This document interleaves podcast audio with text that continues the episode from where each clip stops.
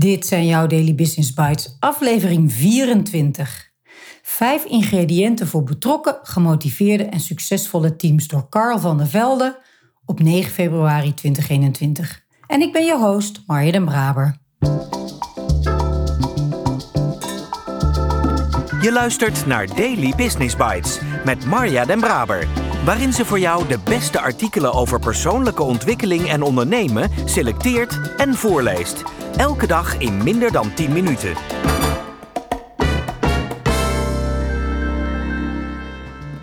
Een hele fijne dag en welkom terug bij de Daily Business Bites. Of welkom als je voor de eerste keer luistert. Dit is de podcast waarin ik je de beste artikelen voorlees die je kan vinden over ondernemen en persoonlijke ontwikkeling. Soms een beetje te enthousiast, maar ik kan het niet helpen. Ik houd van het onderwerp en van lezen. Dus dank dat je met mij meeluistert vandaag en elke dag. Gemotiveerde teams zijn de kern van succesvolle bedrijven. Mensen zijn de oorzaak van alle activiteiten binnen een onderneming. En de betrokkenheid met de resultaten, de onderlinge samenwerking en de inzet van vaardigheden bepalen mede status van een onderneming. Organisaties die zijn gebouwd op hiërarchie en controle maken dit vaak moeilijk bereikbaar. Conservatieve leiders willen wel verandering en meer resultaten, maar zijn dikwijls niet bereid om zelf los te laten en verantwoordelijkheid te geven. Er wordt vaak te veel tijd en geld besteed aan zinloze activiteiten, overleg, procedures en controlemechanismes die ten koste gaan van de resultaten. Zakelijk succes is afhankelijk van de betrokkenheid van een bekwaam team. Als je team van medewerkers bekwaam en betrokken is, dan heb je meer kans op succes dan wanneer een team gedwongen wordt iets te produceren. Traditioneel management is gebaseerd op sturen, meten, opvolgen, controle en de eerder genoemde hiërarchische structuur. In succesvol hedendaags leiderschap wordt de behoefte aan hiërarchisch management tot een minimum beperkt en is eerder een work-as-one mentaliteit de basis van de bedrijfsflow. Excentrieke motivatie ik doe dit omdat ik betaald word, moet plaatsmaken voor intrinsiek gemotiveerde medewerkers die graag betrokken samenwerken richting specifieke doelen die voor het collectief belangrijk zijn. Succes kan worden gemeten aan de hand van tevredenheid en de geleverde waarde.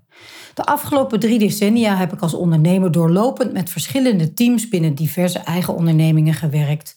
Daarnaast heb ik de afgelopen 25 jaar met ondernemers gewerkt die ook teams aansturen. Vanuit deze ervaring heb ik geleerd wat een team maakt of kraakt. Hier zijn vijf ingrediënten die volgens mij essentieel zijn voor het bouwen van gemotiveerde en succesvolle teams. 1. Organiseer kleine multidisciplinaire teams en duidelijke rollen. Ik stelde vast dat teams groter dan acht personen eerder ineffectief en demotiverend zijn. Tot acht mensen kun je gemakkelijker constructief overleggen, samenwerken en je aandacht verdelen. Ieder lid van een klein team is dan meer manifest aanwezig. Zie het als een tafel van acht mensen. Met acht mensen kun je nog aan tafel zitten en constructief overleg plegen. Bij teams van meer dan acht mensen ontstaan er vaak groepjes in de groep met diverse betrokkenheid. J. Richard Hackman, hoogleraar sociale en organisatiepsychologie aan de Harvard University, heeft gezegd: Grote teams eindigen meestal met het verspillen van ieders tijd. Het is dus ideaal dat je bedrijf bestaat uit teams met ongeveer vijf mensen, maximum acht, met duidelijke rollen en bijdragen. Elke rol moet worden gewaardeerd en een significant aandeel hebben in het succes van het project. En iedereen moet een inzicht kunnen verwerven in de motivaties en de vaardigheden van hun teamgenoten. Het moet duidelijk zijn wat elk persoon bijdraagt aan het team en de resultaten. Het gevaar van grotere teams is dat niet iedereen weet waar de anderen mee bezig zijn. Mensen worden meer onzichtbaar binnen een groter team. En die, deze onzichtbaarheid maakt dat mensen hun betrokkenheid op termijn verliezen. Dit betekent niet dat je geen bedrijf kunt bouwen met meer dan acht mensen. Het betekent alleen dat je ze in kleinere groepen moet opsplitsen. Elk team moet een duidelijk begrip hebben van wat ze bijdragen, zodat iedereen productief en betrokken is. Vertrouwen, respect en communicatie zijn cruciaal voor motivatie en succes. 2. Een toegewijde teamleider, visie en routekaart. Hierboven benoemde ik het belang van duidelijke rollen en bijdragen van elk persoon in een team.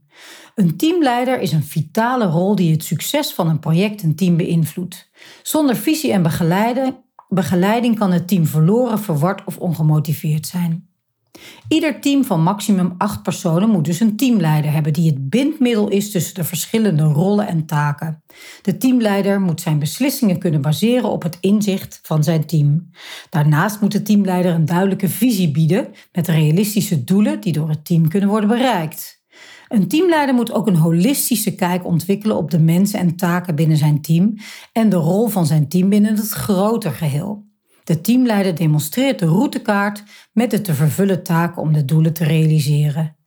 Tijdens conflictmomenten of probleemoplossing moet een teamleider een gerechtvaardige beslissing nemen die het team respecteert. Een goede teamleider is een luisteraar en is gevoelig voor de behoeften van zijn team. De teamleider is verantwoordelijk voor een omgeving die motivatie, feedback, begrip, productiviteit, werkgeluk en resultaten tot stand brengt. 3. Maak de belangrijke dingen belangrijk. Sommige zaken zijn van primair belang en andere van secundair belang. Bepaalde waarden, normen, doelen, strategieën en taken bepalen de gezondheid van de onderneming. In een snel veranderende wereld moet je flexibel zijn en constant verduidelijken wat nu belangrijk is en wat minder belangrijk is. Veel bedrijven verliezen tijd en geld omdat de teamtijd verliest aan verouderde procedures die ooit van primair belang waren, maar vandaag minder belangrijk of overbodig zijn. Grotere bedrijven met een raad van bestuur, kaderleden, middenmanagement en een operationeel team, waar een noodzakelijke verandering door verschillende posities en titels moet worden goedgekeurd, zijn minder flexibel dan een organisatie die snel nieuwe, meer doeltreffende strategieën, procedures en werkmethodes weet door te voeren. 4. Organiseer co-creatieflow in plaats van individuele flow. Co-creatieflow is samenwerken naar een specifiek resultaat. Ik kan dit om verschillende redenen aanbevelen. Als twee mensen samenwerken aan een project, verhoogt dit de productiviteit, omdat men tijdens dit samenwerkingsproces geneigd is zijn beste vorm te laten zien aan de ander. De ander wil minstens op hetzelfde niveau presteren en men stimuleert elkaars productiviteit. Een ander voordeel van co-creatieflow is dat mensen leren van elkaar. Je kan elkaar aanwijzingen geven, iets nieuws aanleren en feedback delen. De co-creatieflow in teams levert een beter begrip op van elkaars kennisgebied en dit brengt een meer efficiënt resultaat tot stand. In een co-creatieflow kun je elkaar ook gemakkelijker erkenning geven voor de geleverde prestaties. Een simpel bedankje voor de goede samenwerking of een compliment voor de vakkundigheid en bijdrage aan het project werkt meer motiverend dan individuele inspanningen waar dikwijls de erkenning van een collega afwezig is. Tijdens een co-creatieflow komt men ook sneller tot oplossingen dan een individuele flow. In een individuele flow ontbreekt soms de kennis, prikkels en creativiteit om de oplossing te formuleren. Tijdens groepsdenken op oplossingen wijkt men soms af van de essentie en gaat dikwijls tijd verloren omdat iedereen zijn bijdrage wil leren, wil leveren. Bovendien zullen introverte mensen in een co-creatieflow hun mening en visie gemakkelijker demonstreren dan in een omgeving waar overheersende stemmen van extraverte mensen domineren. Bij groepsdenken zullen sommige stemmen en ideeën nooit tot leven komen als een ruimte wordt gedomineerd door extraverte mensen. 5. Geef je team individuele ruimte en tijd voor volle concentratie. Ruimte en tijd voor volle concentratie is ook cruciaal voor succes. Het is van essentieel belang om zonder afleiding te kunnen concentreren op een cognitief veel eisende taak. Er is een verschil tussen oppervlakkige aandacht en volle concentratie. Oppervlakkig werk en niet-cognitieve taken kan men eenvoudig uitvoeren in een omgeving waar meer afleiding en prikkels aanwezig zijn. Sommige projecten en taken vragen volle concentratie en ononderbroken doorstroming. Organiseer binnen je onderneming ook hier tijd en plaats voor. Een open office space kan voor bepaalde personen en taken de workflow stimuleren, maar voor andere personen en taken net de workflow verstoren. Organiseer een optimale verbinding, tijd en ruimte waar je rekening houdt met de specifiek uit te voeren taken, extraverte en introverte mensen. 6. Conclusie. Organiseer kleine multidisciplinaire teams die functioneren met de assistentie van een toegewijde teamleider, waarin co-creatie flow wordt gewerkt en gelegenheid is voor individuele ruimte en tijd voor volle concentratie bij taken die het volledig cognitief vermogen vragen. Je luisterde naar vijf ingrediënten voor betrokken, gemotiveerde en succesvolle teams van Carl van der Velde. Daily Business Bites met Marja Den Braber. Eens of niet eens. De teamleider is verantwoordelijk voor een omgeving die motivatie, feedback, begrip, productiviteit, werkgeluk en resultaten tot stand brengt. Ik zou zelf heel graag het woord mede toe willen voegen, want ik geloof erin dat ieder teamlid verantwoordelijk is of zich nou mogen voelen voor deze belangrijke zaken. Carl heeft met deze vijf verschillende ingrediënten een prima recept gemaakt voor als je ermee aan de slag wilt. Er zit altijd wel een ingrediënt bij waarvan je denkt: ja, dat past, die komt nu op het goede moment, dit ga ik doen.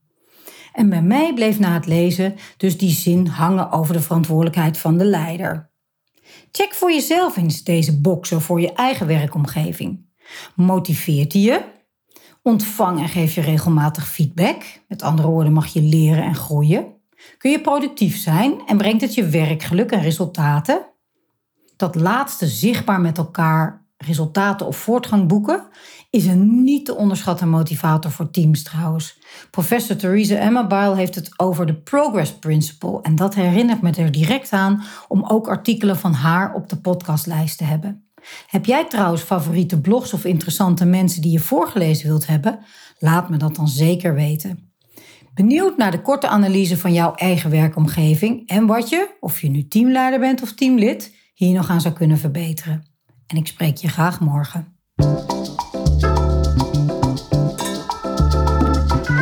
Dit was Daily Business Bites. Wil je vaker voorgelezen worden? Abonneer je dan op de podcast in je favoriete podcast-app. Meer weten? Klik op de links in de show notes.